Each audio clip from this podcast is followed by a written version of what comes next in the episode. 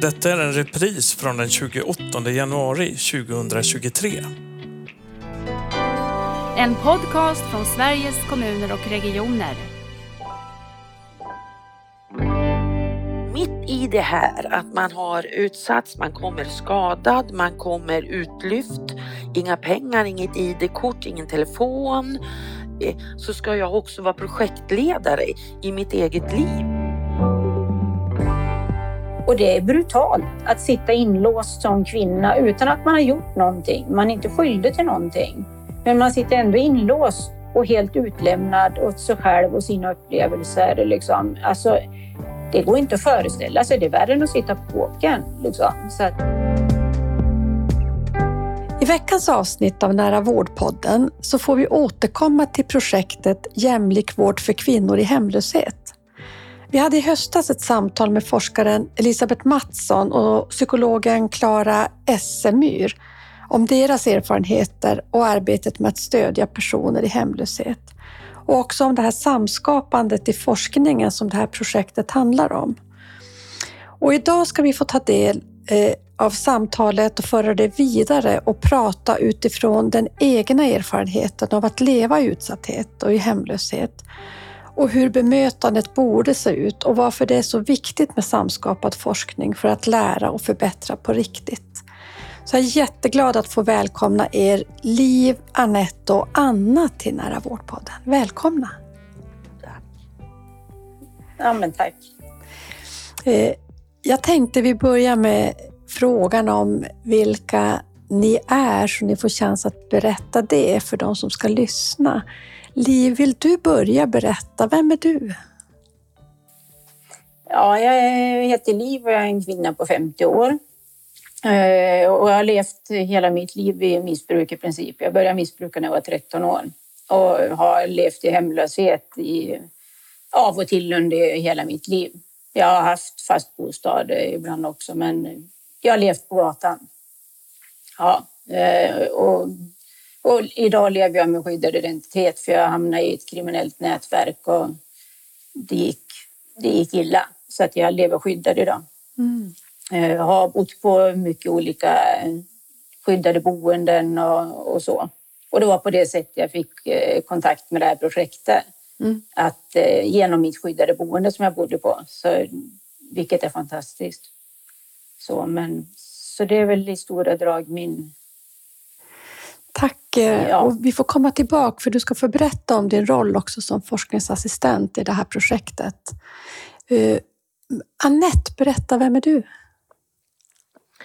Ja, jag är väl en kvinna på 57 år. Eh, hamnade...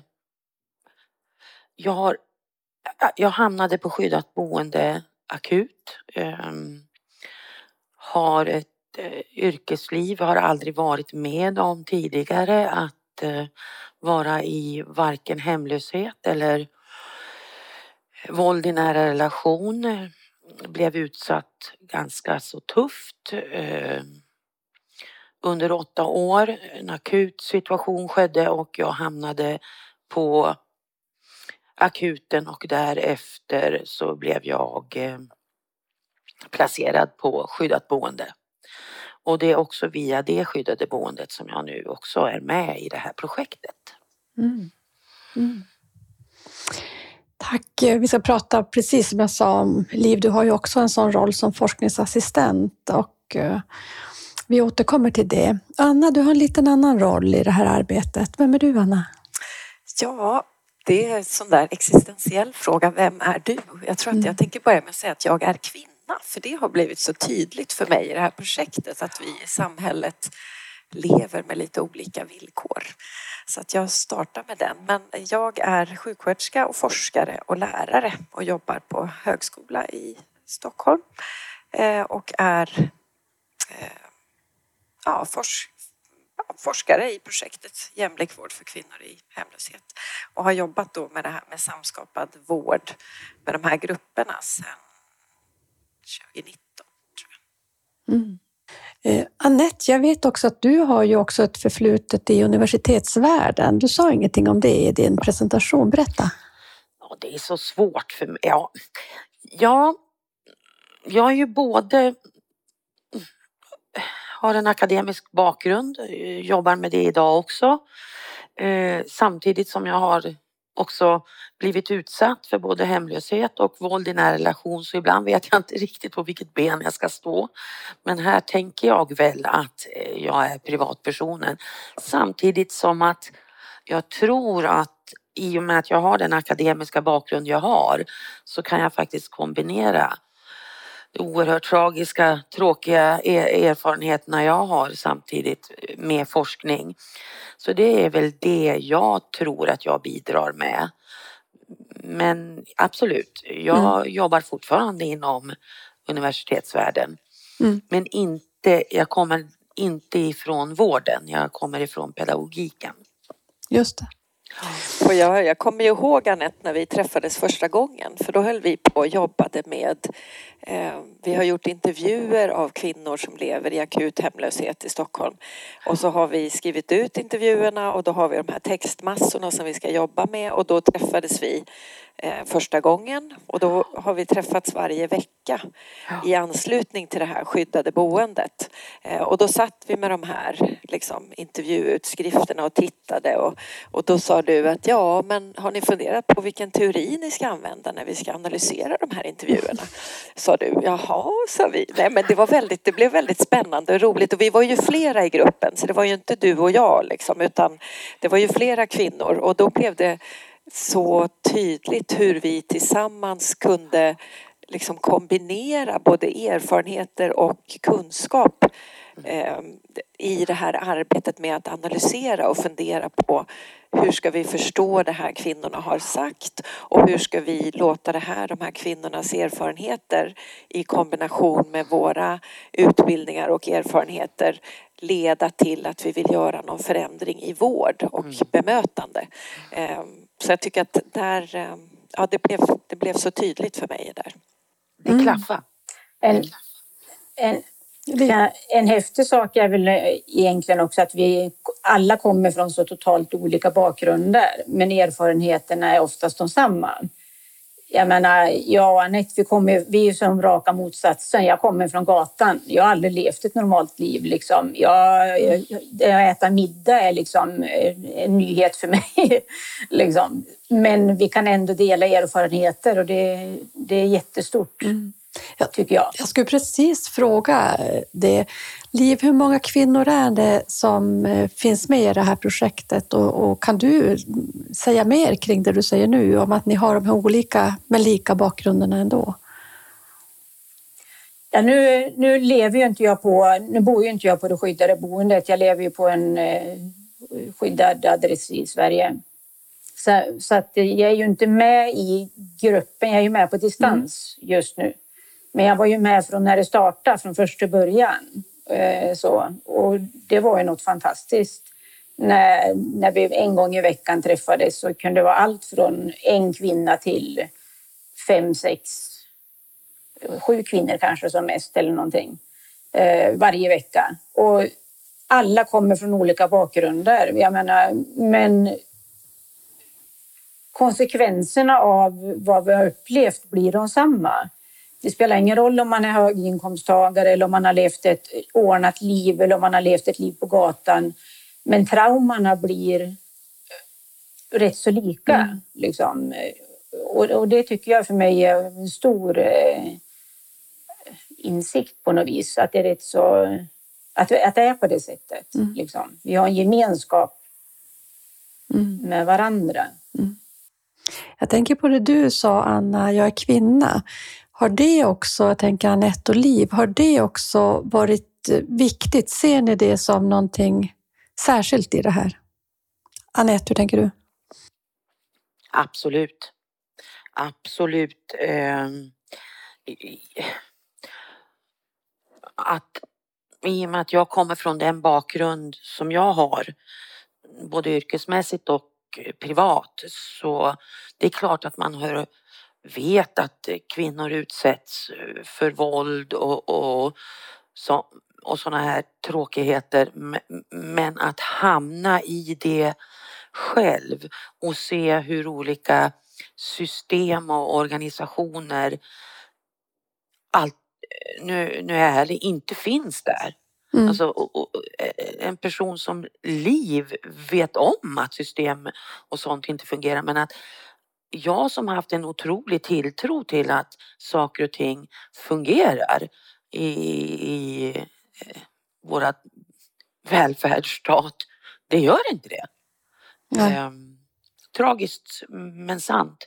Men att vara kvinna har blivit jättetydligt. Det är det jag menar med att kvinnor och allra helst den här gruppen kvinnor som ingår i projektet är en oerhört dold grupp. Eh, som inte jag, ändå så jobbar jag inom pedagogiken sedan många, många herrans år. Och, och den här gruppen kvinnor finns inte, syns inte. Nej. Verkligen inte. Så tragiskt. Din erfarenhet, Liv, från den bakgrund du har. Vad tänker du om, om kvinnors utsatthet i det du ser och det du har med dig? Ja, alltså det, det är två helt olika verkligheter. Alltså män lever i en verklighet och kvinnor en annan. Alltså som, som kvinna i missbruk så är man dubbelt utsatt. Man är, man är utsatt både som missbrukare men som kvinna i missbruket. Det, det är en obeskrivlig, alltså det är en värld som inte är mänsklig. Liksom. Så att män och kvinnor lever på två helt olika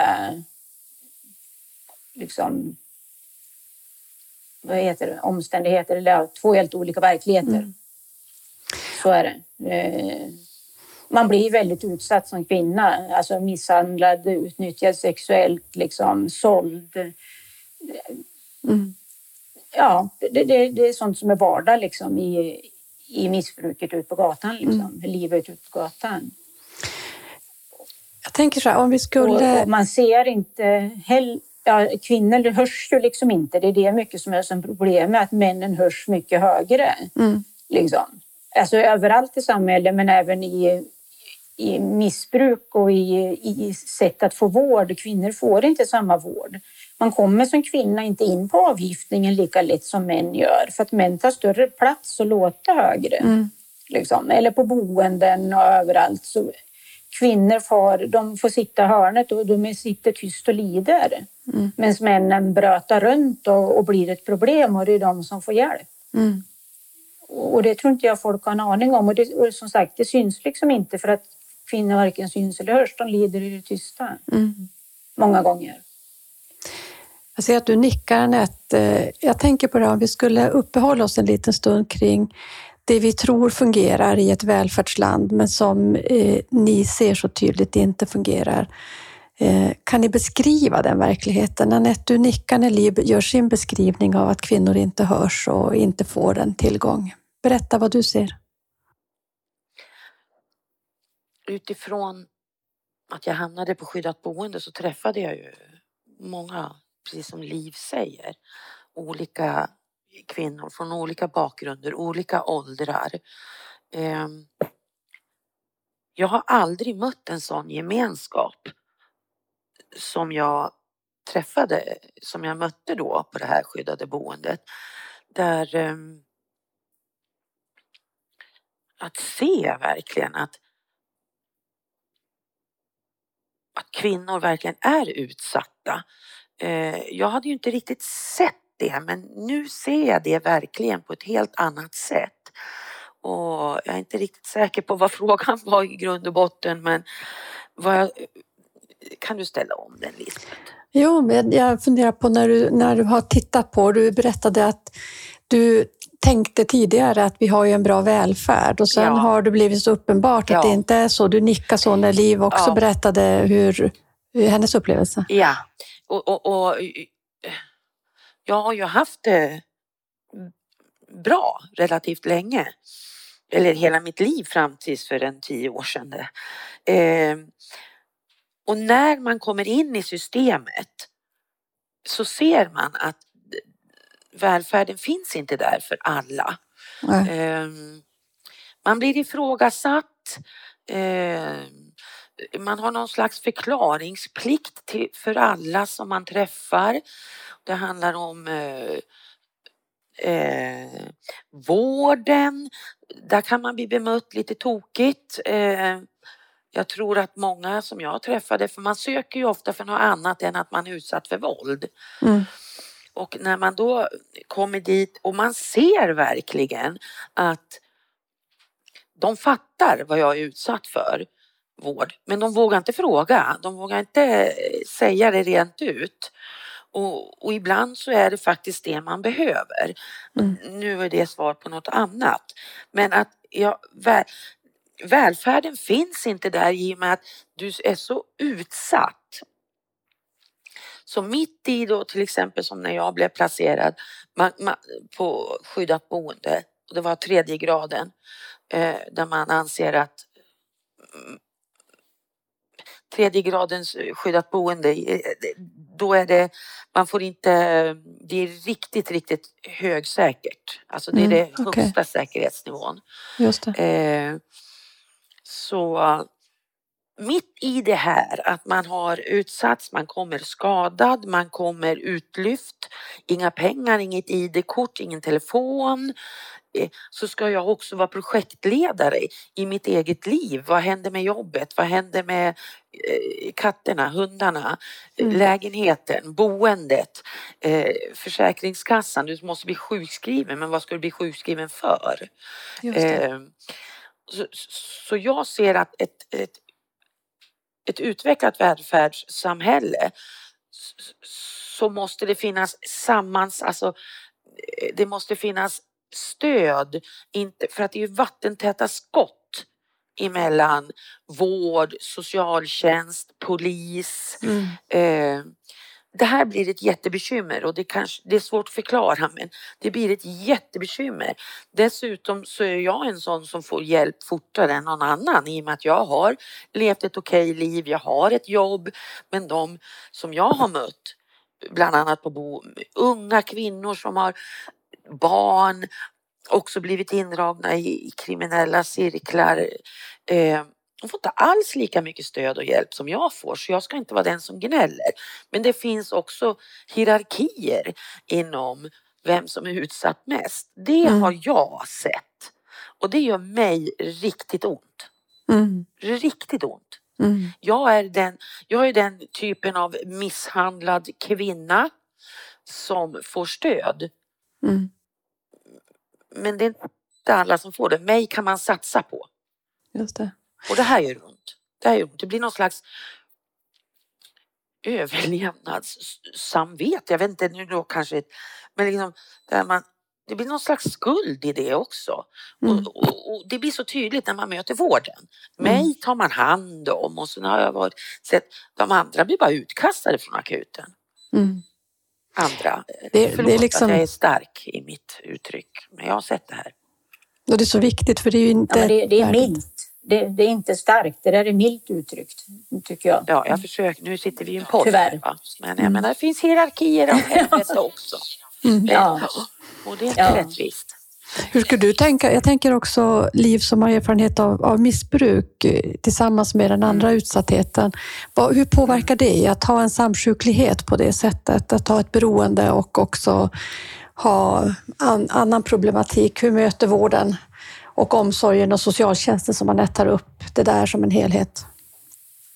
Ja, det är ju en katastrof. Alltså, men problemet blir ju att, att någonstans så måste man se mer och, och det tycker jag är ett jätteproblem. Att missbruket och traumorna hänger ihop. Jag, har, jag har missbrukat för att överleva mina trauman. För att jag hade tagit liv av mig annars på fullaste allvar. Jag, jag kan inte bära allt det jag varit med om eh, själv. Jag orkar inte det. Liksom. När jag, det var därför jag drogade. Inte för, att jag, inte för någonting annat. Så att, Problemet i grunden, och det är 99,9 procent av alla missbrukande kvinnor, är att det ligger trauma i botten. Liksom. Så. Man blir traumatiserad där ute. Mm. Och det, det tar man, alltså så tänker man inte så mycket. Liksom. Utan för mig handlade det mest om att jag skulle gå och lämna. Jag, jag satt inlåst på ett skyddat boende med jättehög säkerhet med videokameror och skottsäkra rutor. Och, och satt där själv med mina trauman och skulle vara drogfri och, och räddas, och räddas bara. Jag skulle bara överleva. Men jag fick ingen, jag fick ingen hjälp. Liksom. Jag, jag fick gå till Maria-mottagningen och lämna urinprov för att visa att jag var drogfri. Men jag fick ingen terapi, jag fick ingen samtal, ingenting. Nej. Och det är brutalt att sitta inlåst som kvinna utan att man har gjort någonting. Man är inte skyldig till någonting. Men man sitter ändå inlåst och helt utlämnad åt sig själv och sina upplevelser. Liksom. Alltså, det går inte att föreställa sig. Det är värre än att sitta på kåken. Liksom. Så att, eh, det är jättetufft. Där. Och, och man har inget värde. Alltså som missbrukande kvinna har man överhuvudtaget inget värde. Man är, man är inte människa. Liksom. Man, är, man är fråntagen att vara mamma, kvinna, dotter, vän. Alltså, man är inget av det där. Man, man är bara ett jävla avskum. Liksom. Och det är också en större skam som kvinna än, än för en man att vara fast i missbruk och ha, ha misslyckats totalt med att vara mamma och leva upp till sin kvinnoroll och hela alltihopa som, som det är i samhället. Liksom. Så det är en enorm skam. eh, Så. Och tufft. Ja, jag, att jag är drogfri idag, det är liksom någonting fantastiskt. Det har varit en jättelång väg eh, och tufft har det varit. Liksom, jag är tacksam idag. Jag har varit drogfri i två år nu och är jättetacksam för det. Liksom, Att jag har fått, och, gå, och, och har fått eller går i traumabehandling nu. Och det är min räddning till livet. Annars hade jag inte... Hur kom det sig att du, du fick tillgång till traumabehandlingen? Ja, det slutade faktiskt... Ja, det, det var så här att, att jag mådde till slut så dåligt i min drogfrihet när jag inte kunde hantera mina trauman att jag, jag hamnade på psyk. Jag varit inlagd. Alltså för att jag tog inget återfall den gången för, för att fly, utan jag stannade liksom. Men, men då mådde jag så psykiskt dåligt så att jag var en fara för mig själv. Och då hände det grejer när jag var faktiskt inlåst på psyk och överläkaren säger till SOS att får inte hon hjälp så överlever inte hon. Nej. Liksom. Och, och då började alla att samarbeta. Så att SOS faktiskt köpte in en traumabehandling till mig och det är den jag går på idag. Och det är min livlina. Alltså det är det som ger mig livet tillbaka och, och gör att jag orkar sitta här idag, att jag eh, har min drogfrihet, att jag har kontakt med mina barn idag. Eh, Jag har tre barn, jag har fått tillbaka kontakten med dem. Alltså det ger mig faktiskt livet tillbaka. Så viktigt är den här traumabehandlingen. Liksom. Och jag, jag, jag är så tacksam för den. Liksom. Jag förstår det.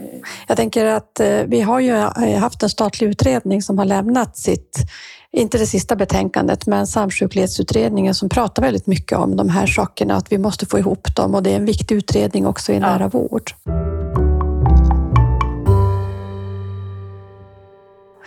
Jag tänker Anna, eh, du är sjuksköterska, du utbildar sjuksköterskor, du är också forskare. Vad kan vi göra eh, som utbildare för att möta de här eh, problemen på nya sätt?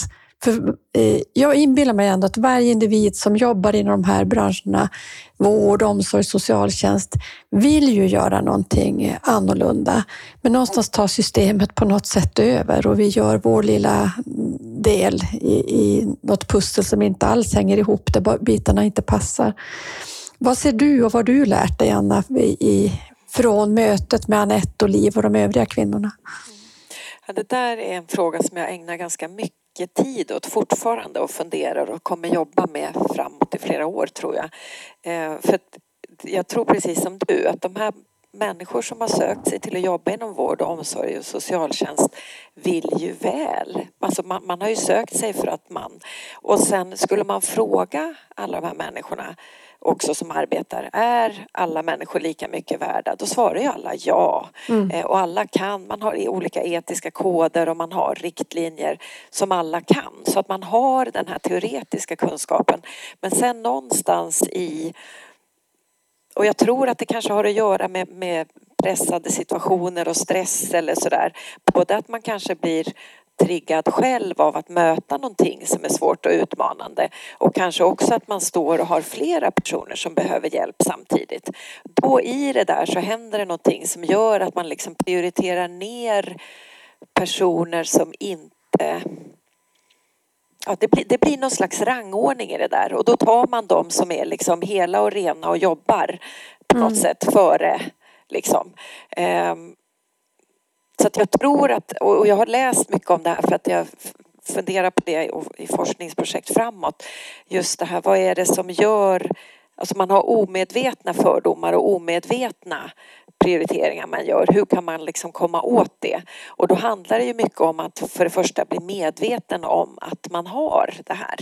För att jag tror att de flesta ändå tänker men jag gör ju så gott jag kan. Jag kan inte göra mer än jag gör. Ehm, och det är ju någonting slags överlevnad i det också. För det är förstås jag tror verkligen inte att folk går till jobbet och tänker nu ska jag försöka skada folk eller göra. Utan det blir liksom knasigt i det där.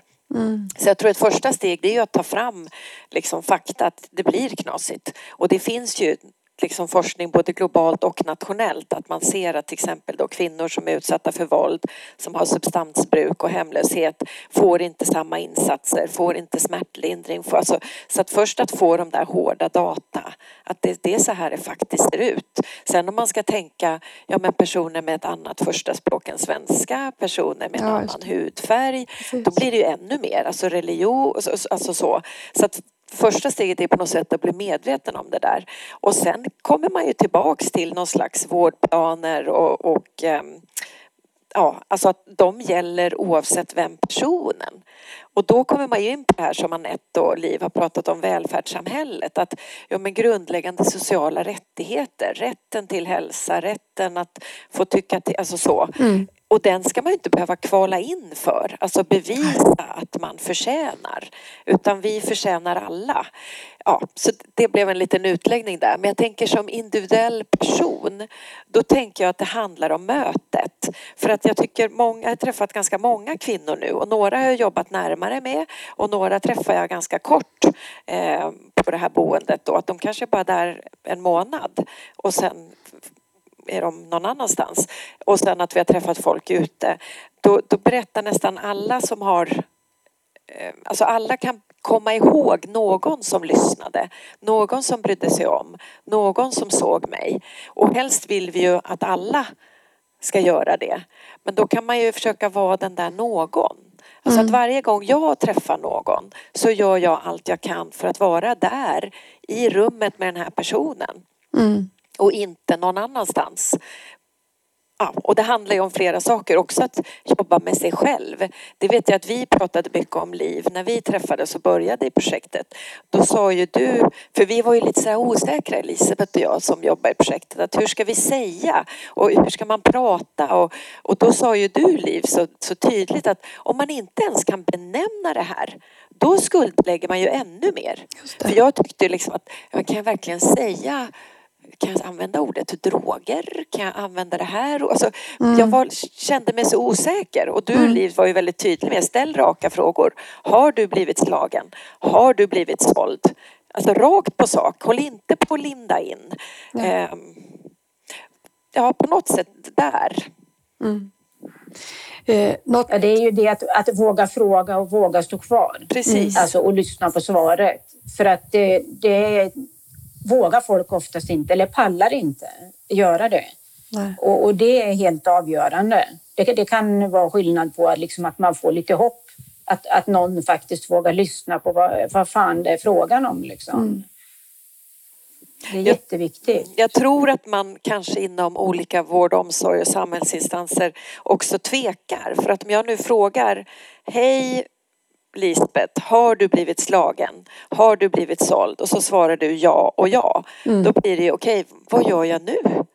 Ja, precis. Och då kanske det är bättre att inte fråga. Alltså på ett omedvetet plan tänker man så. Mm. Men bara att få, för det var en kvinna jag pratade med två veckor sedan eh, som jag träffade och hon sa att man har ju olika liksom förlopp i det här. Att man kanske väljer att gå tillbaka till den som faktiskt utsätter en för våld. Den här tjejen berättade att, för hon röker, hon sa ett paket cigaretter kostar jag tror att hon sa 60 kronor, jag är inte säker på att det stämmer. Och jag får 40 kronor om dagen i ersättning när jag är här. Så jag är nu inlåst, jag får inte ha kontakt med någon och jag kan inte ens röka.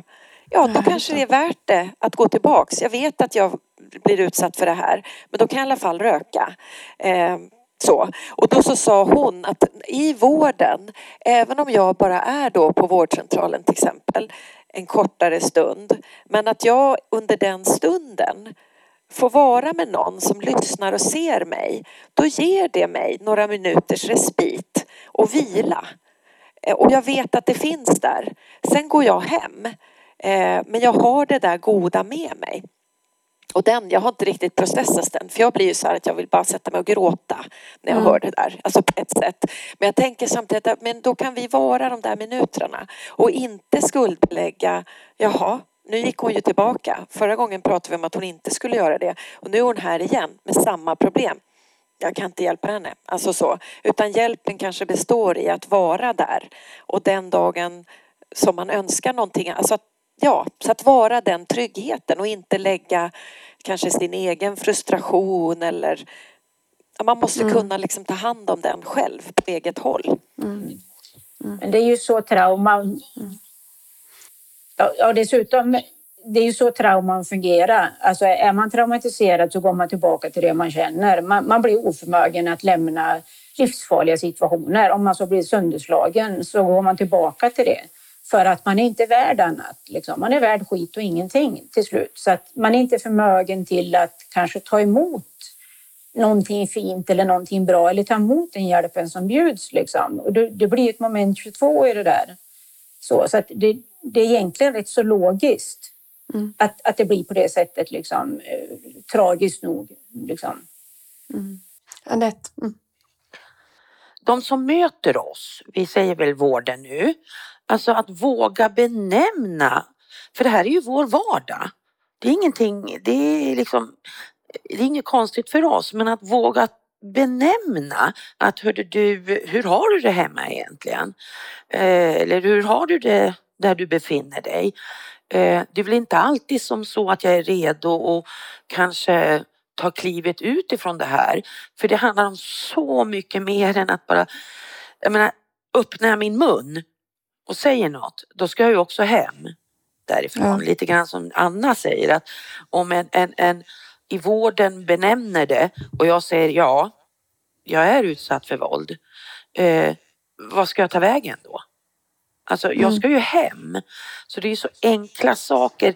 Men samtidigt som jag säger att våga benämna, för det här är vår vardag. Mm. Liksom, det är inget konstigt. Du, man behöver inte linda in saker. Däremot hör jag vad du säger men jag kanske inte kan ta till mig det där och då. Men bara för att jag säger nej eller nej så betyder det ju inte att jag inte hör vad du säger. Bara för att jag håller för öronen så hör jag ju vad du säger. Förstår ni hur jag tänker? Mm. Och jag menar hur fler gånger någon säger jag ser ju att du mår inte bra desto, det är ju också en hjälp. Så liksom att våga benämna vår vardag, det är en jättehjälp. För det är inte alltid vi ser det själva. Nej. Att vi mår dåligt. Nej, precis. Hålla ihop. Nej, men man blir ju så man blir ju så van så att det blir ja, ja. ju vardag så att man reagerar ju inte längre. Nej, det är ju normaliserat. Men en, en, en, jätteviktig sak i det här, det tycker jag är att, att sjukvården alltid ska orosanmäla. Alltså det är en jätteviktig grej. Mm. Till, alltså orosanmäla till SOS. För att det, är, det är liksom en, kan bli en väg ut. Man är inte själv förmögen kanske till att ta sig ur en situation. Mm. Men att, att vård och polis och alla som kommer i kontakt med en våldsutsatt kvinna ska orosanmäla det. Liksom, för att eh, mm. det, det gör skillnad. Och mm. Det borde alltid göras och, och det gör det inte. Liksom. Och det, det, tror jag handlar om hög arbetsbelastning eller att man inte orkar eller inte hinner eller, eller inte bryr sig, inte vet jag. Men, men det görs sällan. Mm. Och, och det, det, skulle verkligen behöva bli ändring på för det skulle hjälpa många kvinnor. Det blir ju också en bekräftelse på att, att du har det inte bra. För mm. man, mm. den här normaliseringsprocessen är ju bedrövlig. Mm. Det är ett väldigt eh, både enkelt men också otroligt viktigt uppmaning eller råd eller vad jag ska säga. Om man nu undrar vad kan jag göra som vårdpersonal? Ja, men alltid det som ska göras, orosanmäl. Jag tänkte i arbetet med att utveckla den nära vården eh, så pratar vi väldigt mycket om att samskapa. Om att göra, inte bara att låta någon vara delaktig eller att eh, gå efter behov, utan att verkligen samskapa. Och eh, det gör ju ni på ett väldigt unikt och konkret sätt i det här forskningsarbetet som eh, ni gör kring kvinnor i hemlöshet. Jag tänkte Anette, kan du berätta om, om din roll i, i arbetet? Ja, jag blev ju i och med det här skyddade boendet som jag bodde på så fanns det tydligen, när man kom efter, man är ju väldigt väck men jag tar det från början. Första två, tre veckorna när man är, har kommit så är man har man inte varje dag och natt och man har inte tid och mm. koll på någonting. Men då blev jag på boendet så, så sa de att vi har ett forskningsprojekt. Så jag tror det var, jag kommer inte ihåg eh, Anna, men jag tror det var tisdag eller torsdag eller vad det var, klockan två. Så då skulle vi gå på något forskningsprojekt och så hamnar man i en grupp med två eh, experter då från det här eh, forskningsprojektet och i min värld experter. Alltså oj, oj, oj. Men att få sitta i den här gruppen med kvinnor som har varit utsatt för samma sak. Det stannar i rummet, man ses som en hel människa. Man har en massa att bidra med. Alltså det var så läkande så den här gruppen av kvinnor eh, som det heter VAB på vårat förkortningsspråk, men mm -hmm. Women Advisory Board.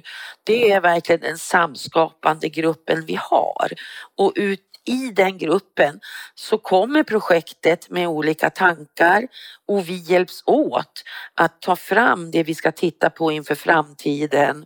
Och, och nu har det blivit som du säger opinionsbildande debattartiklar men det är massor med forskning som vi har gjort tillsammans. Och, och den här gruppen är jättestark. Nu ingår jag i en annan grupp eftersom jag bor inte på skyddat boende längre. Det. Eh, men det är vad jag uppfattar det som, projektet i sig utgår väldigt mycket för vad, ifrån vad vi kvinnor har att komma med och, och tittar på det. Och vi, hör, vi, vi känner oss hörda, sedda, lyssnade till. Vi är experter på oerhört tragiska saker. Eh, man vågar sätta ord på det. Eh, det är verkligen samskapande för vi är ju också anställda som forskningsassistenter. Just det. Så det är viktigt att säga.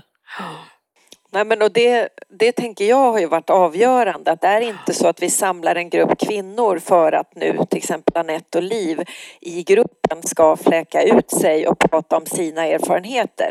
Utan vi har samlats i gruppen för att titta på, okej okay, nu ska vi ut och intervjua kvinnor. Det. det. här är frågorna vi har tänkt ställa. Vad tror ni om de här frågorna? Och då kan det ju vara ganska snabbt att nej men det där är ju helt tokigt, så där kan ni ju inte säga behöver tänka om. Säg frågorna så här istället. Eh, vi har haft en studie där vi använt bilder i intervju eh, som liksom stimulera för att stimulera frågorna. Då hade vi lagt fram bilderna och då var det ju direkt, nej men de där bilderna funkar ju inte. De är ju jättemesiga. Vi behöver bilder som har det här, vi behöver en bild som är med det här. Nej men då tog vi nya bilder och tog fram. Så det har varit liksom forskningsförberedande. Sen har vi ju suttit med data, alltså både intervjudata som vi har tematiserat och Liv, du var ju väldigt bra på engelska så du har ju liksom läst alla våra alltså, manusutkast på engelska med citat innan vi skickar in till tidskrift och kommit med. Så det har verkligen mm. liksom varit konkret arbete som arbetskamrater.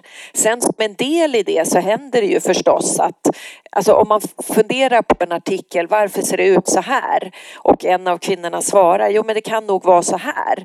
Då kan man ju tänka sig att jo, man pratar av egen erfarenhet eller att jag har träffat andra på boendet. Men det har inte varit en förutsättning att jag ska komma och fläka ut mig själv. Utan vi är arbetskamrater. Så det tänker jag har varit väldigt viktigt och är fortsatt väldigt viktigt. Hur ser anställningsförhållandet ut? Eh, en timanställning på högskolan. Just. Och det har ju varit för att det handlar just om eh, skyddad identitet och hot och, och så vidare. Så att mm. länge kom ju lönebeskeden varje månad kom ju till min adress på högskolan. Och så tog jag ju med mig dem för att inte det ska liksom gå att spåra. Så det har ju varit en liten utmaning med, med det runt omkring det. Och nu med nya LAS-lagen så blev det knöligt. För då har det också Ja, varit det. en förutsättning att delta. Det har inte varit så här att du måste komma varje tisdag klockan två och kan du inte då är du bränd och så är du borta. Utan man kommer de veckor man kan. Och för oss alla går det ju upp och ner och har du trauma och du har behandlingar, ja men då kan det vara så att du ett par veckor, det funkar inte. Det kan vara en månad, det funkar inte. Men sen funkar det och då är man välkommen tillbaka.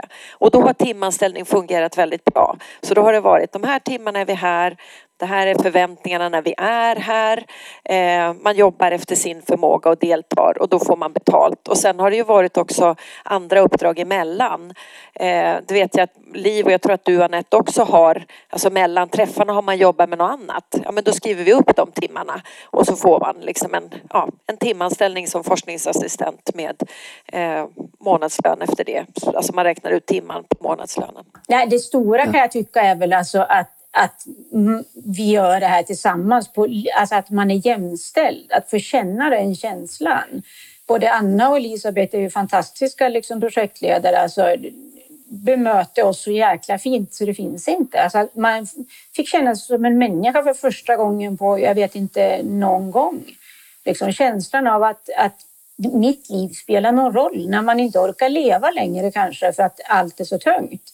Så liksom fick man en känsla av att jaha, men jag har någonting att ge. Liksom. Det, allt jag har varit med om kan, kan skapa någonting liksom, som kan hjälpa någon annan. Det har varit en livlina. Det, det var veckans höjdpunkt. Det var det jag levde för när jag bodde på boendet. Jag bodde där rätt länge.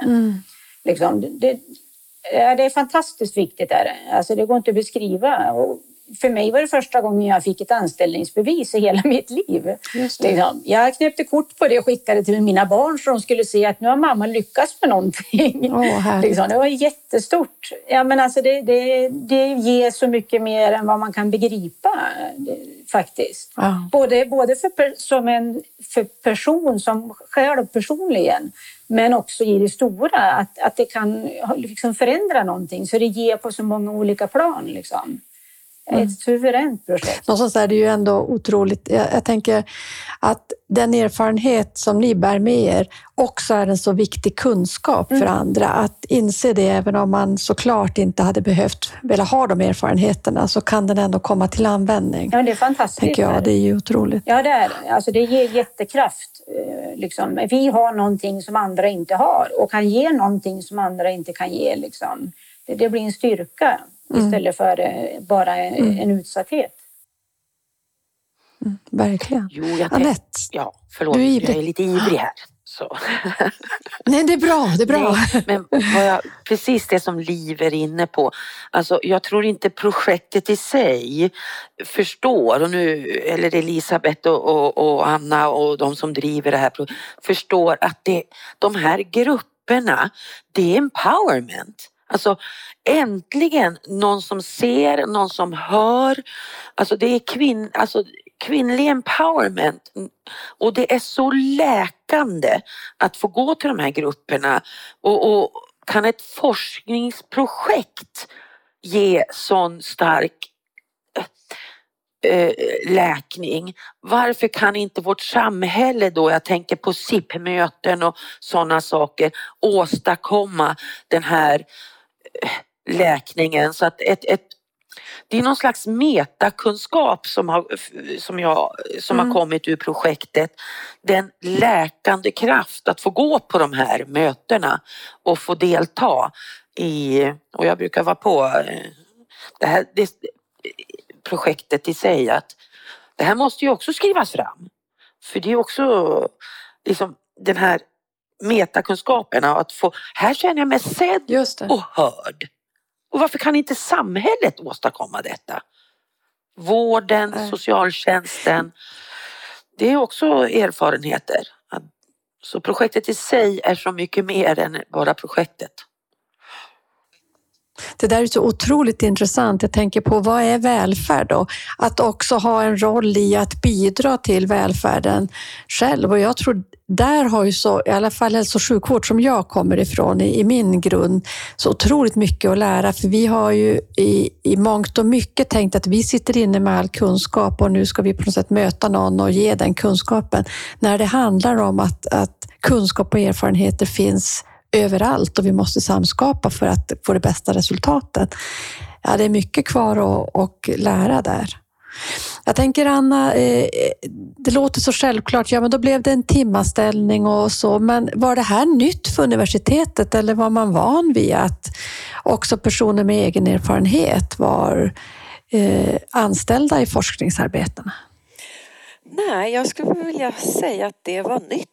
Eh, Elisabeth Mattsson som är professor och, och liksom leder projektet vi jobbade ju tillsammans och sökte forskningsmedel för att någonstans ska ju de här timanställningspengarna och det ska ju komma någonstans ifrån. Så att då när vi jobbade ja, flera, flera månader med att skriva de här ansökningarna då läste ju vi jättemycket och funderade och i, eh, i Storbritannien, i England har de ju hållit på lite längre än vad vi har gjort i Sverige och där fanns det ju en sida som sa Hej, så här ska ni tänka med samskapad forskning eh, och så här är våra förslag och det här är löner. Alltså lite, lite så, så att vi tittade på det och liksom inspirerades av det och det skrev Elisabeth då i sina ansökningar om forskningsmedel till både Vetenskapsrådet och, och Forte. Ehm, så att vi liksom mallade utifrån det men sen har ju vi prövat oss fram. Så att Liv, du var ju som en av de första och vi hade ju ingen av oss gjort något sånt här tidigare, varken Elisabeth eller jag. Och det har ju varit Alltså, jag har ju också barn. Mm. Och jag blir ju så blödig så töntigt. Men de, alltså de är ju stolta över mig för det här. Mm. Ett helt annat sätt än andra saker jag har gjort. Och jag har jobbat liksom länge med vård i hemmet och personer som dör i cancer och tycker liksom att jag har gjort gott, om nu det ska vara så. Men, men här tycker de liksom att wow, nu gör, alltså det här är viktigt liksom. Mm. Och jag vet också hur jag då i början också kunde komma hem och jag var ju liksom ganska trött. Jag kunde vara ledsen, jag var, jag var lite tyst. Och, och, min dotter sa till mig en gång, jag tror hon var kanske 17 då, så sa men hon tyckte att det var jättebra men sen sa hon, men mamma ska du, ska du hålla på med det här om du blir så här liksom tagen varje, varje vecka? Eh, liksom, du kanske måste fundera, så sa hon och jag sa att ja, nej men jag, jag, tycker nog att det är värt det men jag måste ju lära mig hur jag förhåller mig till det här. För det är otroligt berikande men det har också varit liksom svårt att möta. Eh, och sen tänkte jag också det, okej okay, för mig är det två timmar i veckan. Ja, de här människorna, liksom kvinnorna, arbetskamraterna lever med det här sju dagar i veckan, 24 timmar om dygnet. Mm. Eh, och det, ja, så, på något, så, det, så det där har varit liksom lite, lite klurigt. Eh, och så säger man ha det så bra nu och så går man. Eller som nu när det är juluppehåll och nyår. För då gjorde vi uppehåll förra veckan. Nu ska jag ha grupp igen imorgon. Men ja, då går jag hem och så firar jag med mina barn. Och så vet jag liksom att ja, hur, ja, ska man säga ha det så bra eller ja, ha det så bra du kan var det någon som föreslog. Så ja. Att, ja, det blev en liten lång utläggning där Lisbeth. Men, men ni, är ju, ni är ju som en fyr i mörkret alltså. Jag tror, det är så att ni förstår inte hur, hur mycket det ger oss. För att ni är verkligen så. Det är en livlina hela det här projektet. Liksom. Och det spelar ingen roll om det är uppehåll eller hur det är och jag sitter där, jag sitter i en helt annan stad. Men ni är ändå min livlina liksom, som, som ger mig hopp om, om förändring och en känsla av värdighet. Liksom. Så det, det här projektet är stort. Precis, mm. det är det jag menar, att det ger så mycket mer än vad projektet i sig tror jag förstår. Så det och det där metalärandet som du är inne på, Anna, tycker jag är intressant. Alltså vad, och det vill vi väl också med den här podden, att kan, kunna lyfta. Vad är, det vi, vad är det ni lär på så många plan. Jag tänker också, Anna, det, det, när du blir känslomässigt berörd och att det här verkligen är något som dina barn är stolta för, så tänker jag tänk att bära med sig allt det till kommande kollegor. Säga att det går att göra saker i samskapande, det går att spela roll för, för människor i, ganska, i stor utsatthet. Eh, och att det är ju kraften i de här yrkena också. Men jag tänker, Liv, eh, du berättade om en grej som kom ut av det här projektet, någon handlingsplan som du sa att det här tycker jag är viktigt att det behöver komma ut. Kan inte du berätta om det, Liv? Jo, alltså det, Handlingsplan med 1, 2, 3. Ja, det arbetade vi jättemycket med i början av projektet, var det rätt så i början. Eh, Och det arbetade vi länge med. Och alltså som, ja, som en mall, liksom ett, två, tre, var i det akuta skedet, i liksom steg efter, efter det och sen utsluss i livet i princip. Alltså så, ja, en, en rent handgripligen liksom. Hur ska man agera när en kvinna kommer in på en akutmottagning eller när polisen kommer i kontakt med kvinna, alltså rent akut i första steget. Alltså hur, ja, vad, vad är det man behöver liksom, som sjukvårdspersonal eller polis eller SOS också för den delen. Liksom sådär. Alltså, man kan hur, hur, ja, ställa raka frågor. Att man kan, vet man inte hur man ska göra, det är en jätteviktig grej att man kan ringa Kvinnofridslinjen. För de har, de har öppet dygnet runt och de är till för det här. De är experter på hur man bemöter kvinnor i våld och, och utsatta situationer. Så att sjukvård, polis, alla har möjlighet. Alltså vet man inte, är man tveksam, hur, hur fasen ska vi bemöta den här kvinnan? Ring dem. Så, så vet de, för att alla behöver inte kunna allt. Liksom. Så. Så dels sådana grejer, men sen kan det vara liksom enkla saker i liksom att det ska, det ska vara helst kvinnor i ett undersökningsrum. Det ska inte vara en ensam man när det kommer in en misshandlad, våldsutsatt eller våldtagen kvinna. Liksom. Så där, att det, det är viktigt att det är en kvinna med i, i rummet. Det, det liksom kan vara en grej. Att man ska kunna få kanske ett litet kit med rena underkläder, kunna få duscha eller Alltså sådana saker när man kommer in för att man är så jävla smutsig och så äcklig från insidan ut så att det är liksom det är människovärde liksom och, ge någon det i den situationen. Så kan, ja, alltså så att mycket sånt jobbade vi med och det är väl, en, alltså hade det kunnat Finns det att hitta ut, någonstans? Vad sa du? Finns den att hitta någonstans, den här handlingsplanen? Ja, den har vi ju. Alltså, tanken var väl att vi, eller önskan att vi skulle kunna få ut den på något vis och även till studenter. Alltså att, att man får lära sig mm. det här från början. Liksom hur, att man inte står handfallen när det kommer, kommer in en kvinna eh, som har råkat illa ut. Liksom, så. Det, det, är ju drömmen. Vi, har ju, vi jobbade ju med den näst, alltså första halvåret kanske, tror jag, Liv. Eh, och precis som du beskrev att vi tänkte både så här i det akuta praktiska tips och sen förhållningssätt till personal. Eh, och sen när man kommer liksom rehabiliteringsfas mer och sen framtidsplanering. Eh, och den har ju vi i vårat nästa nästa steg att fundera kring hur kan vi implementera och testa och liksom ta ut den här. Eh, just i samband med det som vi började prata i början av podden kring bemötande och personal och undervisning. Vad ska man göra? Mm. Så där håller vi på liksom och ser kan vi vi har ju presenterat den för lite personal och ehm, några ställen och testat mm. men vi har liksom inte fört ut den på bred front. Eh, och den tycker jag också är ett sånt bra exempel, förlåt Anette, för att det var inte vi forskare som tänkte vi ska göra en handlingsplan utan den kom direkt från kvinnorna när det kom. Det här är våra erfarenheter av bemötande och så blev det okej, okay, hur skulle ni vilja ha det? Och sen jobbar vi med att skriva på tavlan och brainstorma och göra temagrupper och så presenterar vi nästa gång från vad vi sa förra gången så tänkte vi så här, vad tror ni om det? Och så, så jobbade vi liksom fram den. Så att det är, ja, det är Men nästa coviden, steg. vad jag förstod, kom emellan. Så att det inte är som så att Mm. det blev ju stängt. Så ni hade ju tagit fram den där men så kom covid emellan för ni hade ju tankar att implementera den. Jo, man kom ju inte in någonstans Mm. Nej. två år. Det var ju så. Så det blev ju en naturlig paus där, eller onaturlig hur man Ja, vill säga. precis. Jo, när man kunde ju inte vara inne och försöka få vården att jobba med andra saker än att ta hand om.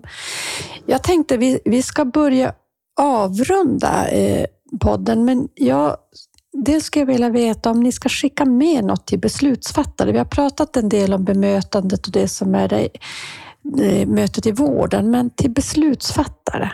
Vad skulle ni vilja skicka med? Vad vill du skicka med, Anette? Jag vill skicka med att det behöver finnas eh, något slags forum eh, plattform eh, där alla goda insatser kring mig är, eh, samarbetar. Eh, individualiserad eh, individualiserat stöd, eh, inte de här vattentäta skotten som man hela tiden möter och att jag slipper vara projektledare i mitt eget eh, stödjande arbete. Jag menar, det. Eh, num och, och, mm. Sen vill jag också skicka med eh, det här bara för att man har ett eh, eh någon slags missbruk så betyder inte det att jag inte är värd hjälpen. Jag är lite trött på att man möter missbruket före den utsatta kvinnan. Eh, jag är mycket trött på det. Jag själv, började självmedicinera med vin men jag får ingen behandling innan jag är helt eh, drogfri. Eh, det som Liv är inne på och det blir ett moment 22 hela tiden. Att jag har PTSD men får ingen traumabehandling för att jag har självmedicinerat med vin och jag ska vara nykter ett tag. Det här är svåra frågor men det är ett moment 22. Eh, samskap, eh, en plattform där alla insatser kring mig möts. En projektledare för mitt eget liv.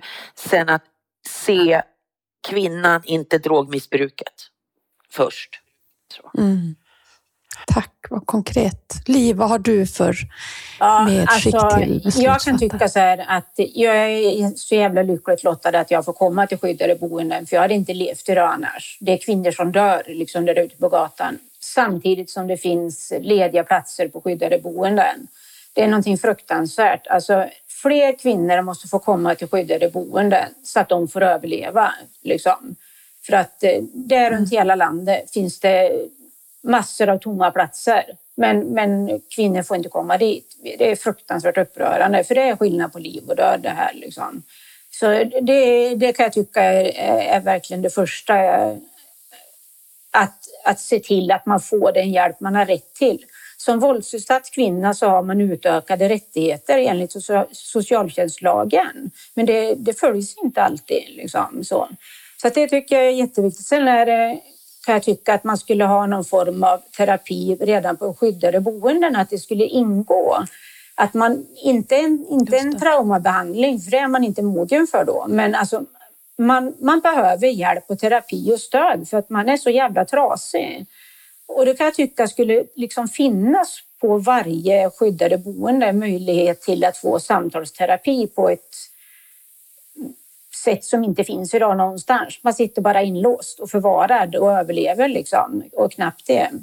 Så, så det, det, är någonting jag tycker är jätteviktigt. Och sen eh, att kunskap om allt det här, att det ska få komma med i utbildningar kring personal som kommer jobba med människor på ett eller annat sätt, alltså utsatta människor. Alltså ja, i de utbildningar det berör. Så att det skulle få komma med redan där. Liksom så. Det, det är väl det jag kan tycka är, är viktigt. Mm. Så. Också väldigt konkret. Tack Liv. Mm. Anna, vad tänker du?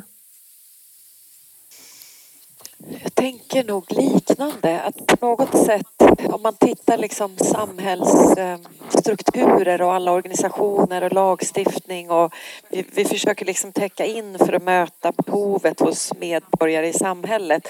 Men det har ju också skapat det här att vi har olika lagar som styr olika aspekter och då blir det den här fragmenteringen. Så att jag tänker att mitt medskick är att vi behöver vända det till att komma till individen och den här personens behov och att det styr insatserna och insatserna anpassar sig efter personen och inte tvärtom. Mm. Eh, nu är det på något sätt så att du ska kvalificera dig för att få olika saker och då ser man på bitar och så tappar man helheten. Mm. Så att det blir det låter kanske lite klyschigt liksom att säga personcentrerad vård eller individanpassad vård. Eh, men det måste liksom utgå därifrån. Vad har den här personen för behov och sen anpassar vi insatserna till det. En sak, jag, en sak jag kom på bara, mm. ursäkta. Mm. Men det är just, det är kanske lite som Anna sa, men vad som är jätteviktigt är att alla samarbetar. Att, att liksom SOS, sjukvård, alltså alla insatser som är inblandade måste samarbeta för att annars så går det inte. Ingen kan jobba bara på sitt utan det måste bli liksom, det, det tycker jag också är jätte, jätteviktigt. Mm. Ja. För det jag tycker ni beskriver alla tre, det är ju det som jag också lägger in i den här omställningen till det, den mer nära vården som har blivit beteckningen. Att det är inte utifrån organisationernas perspektiv eller de enskilda delarna. Det måste vara utifrån personen, människans och då får vi göra jobbet där bakom, att samarbeta som du säger Liv. Jag tänkte också den sista frågan till er eh, och det är det här eh, begreppet nära.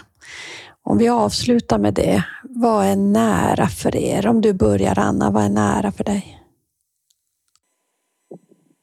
Jag tänker att nära har att göra med det som är nära mig och mina prioriteringar och önskemål och inte experternas syn av vad jag behöver. Så där tänker jag. Mm.